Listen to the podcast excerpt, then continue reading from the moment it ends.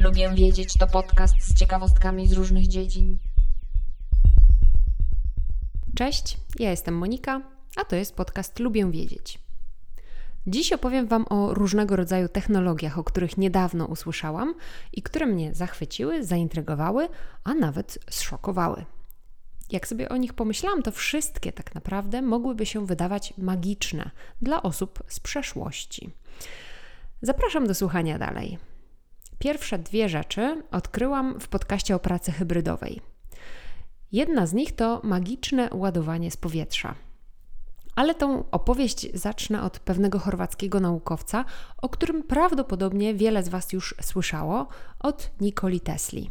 Nikola Tesla urodził się jeszcze w XIX wieku w Chorwacji i już na wczesnym etapie edukacji okazało się, że jest bardzo zdolny. Dostał więc najpierw stypendium i możliwość nauki, potem praktyk i pracy za granicą. Najpierw w Austrii, potem w Paryżu, aż w końcu wyjechał do Stanów Zjednoczonych.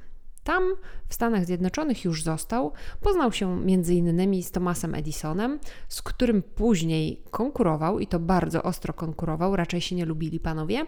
No i pracował jako inżynier, elektrotechnik, wynalazca. Tesla był autorem około 300 patentów. Niektóre to na przykład silnik elektryczny, bateria słoneczna, dynamo rowerowe, autotransformator czy radio.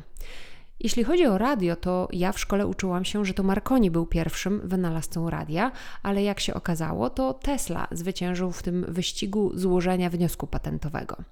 Ale rozstrzygnął o tym dopiero sąd już po śmierci Tesli.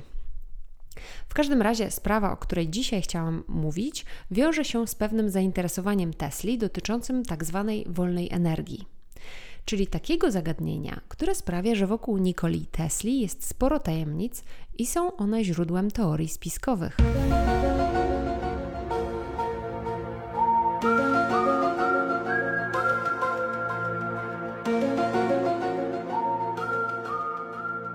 No więc o co chodzi z tą wolną energią? Otóż zwolennicy wolnej energii mówią, że to niewyczerpane źródło energii, które może zastąpić dotychczasowe źródła energii, jak na przykład paliwa kopalne lub odnawialne źródła energii. Natomiast nie istnieją żadne naukowo potwierdzone dowody na istnienie takiej wolnej energii. Ale jej zwolennicy twierdzą, że takie dowody są ukrywane przed świadomością publiczną, ponieważ istnieje potężne lobby koncernów paliwowych oraz energii nuklearnej, które opłacają ukrywanie tej wiedzy bo po prostu to nie jest w ich interesie, żeby taka energia darmowa, niewyczerpana istniała. Istnieje podobno również spisek rządów państwowych, ponieważ uważa się, że dostęp do darmowego i niewyczerpanego źródła energii załamałby międzynarodowe rynki finansowe. No i Nikola Tesla był ogromnym zwolennikiem tej hipotezy wolnej energii. Wierzył, że znalazł dowód naukowy na jej istnienie i urządzenie do jej wykorzystania. Niestety notatki Nikoli Tesli zostały po jego śmierci zarekwirowane przez rząd USA, a przynajmniej tak się mówi w pewnej spiskowej teorii.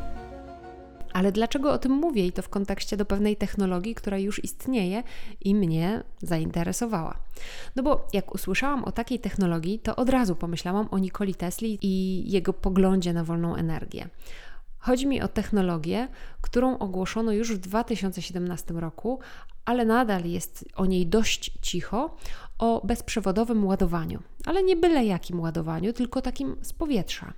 Wyobraźcie sobie pokój, do którego wchodzicie i automatycznie wasz laptop, telefon, słuchawki, smartwatch i wszystko, co macie na baterię, zaczyna się podładowywać mogłyby tak działać, poczekalnie na lotniskach. Kawiarnie mogłyby zachęcać, żeby to do nich wpadać na kawę śniadanie, lunch, biura mogłyby się pozbywać kłębowiska kabli. Otóż w 2017 roku firma Disney Research tak, to jest odnoga tego Disneya, który w czerwcu wszedł z hukiem do Polski jako kolejny streaming seriali i filmów i wszyscy teraz o nim mówią. No więc ta firma, Disney Research, opracowała metodę bezprzewodowego przesyłania energii, do której wystarczy znaleźć się w specjalnie zaprojektowanym pomieszczeniu. Na początku ubiegłego roku, czyli w styczniu 2021, firma Xiaomi poinformowała o nowej technologii, którą wprowadza na rynek Mi Air Charge. Polega ona właśnie na ładowaniu urządzeń przez po prostu przebywanie w pomieszczeniu, w którym jest urządzenie ładujące. Wtedy ogłoszono, że można w ten sposób ładować jedno urządzenie, ale już we wrześniu 2021 roku w Chinach opublikowano wyniki eksperymentów, w wyniku których pomieszczenie mogło dostarczyć 50 W mocy, co mogło wystarczyć na jednoczesne ładowanie 10 telefonów.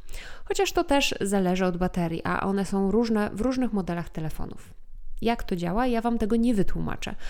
Osoby zainteresowane bardziej odsyłam do linków, które zamieszczam w notatkach do tego odcinka. Wiem tylko, że to technologia oparta na polach magnetycznych. Postęp tych badań jest spory. Od stycznia do września zwiększyła się bardzo liczba urządzeń, które można naładować z powietrza, i myślę, że w bardzo niedalekiej przyszłości będziemy widzieć rozwój tej technologii.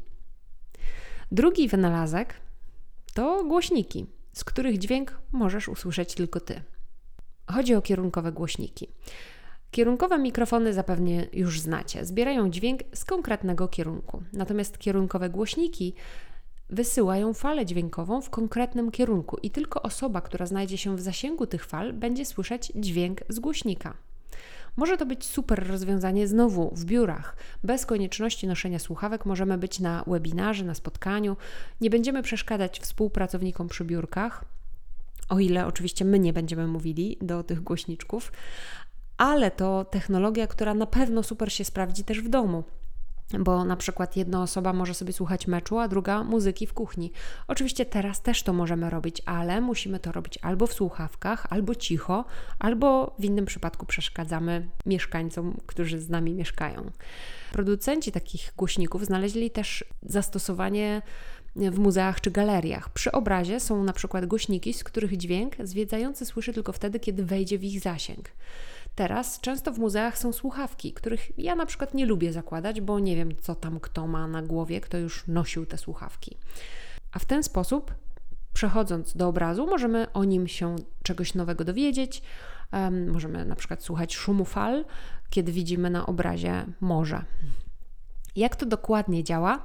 Link do wyjaśnienia również znajdziecie w notatkach do dzisiejszego odcinka.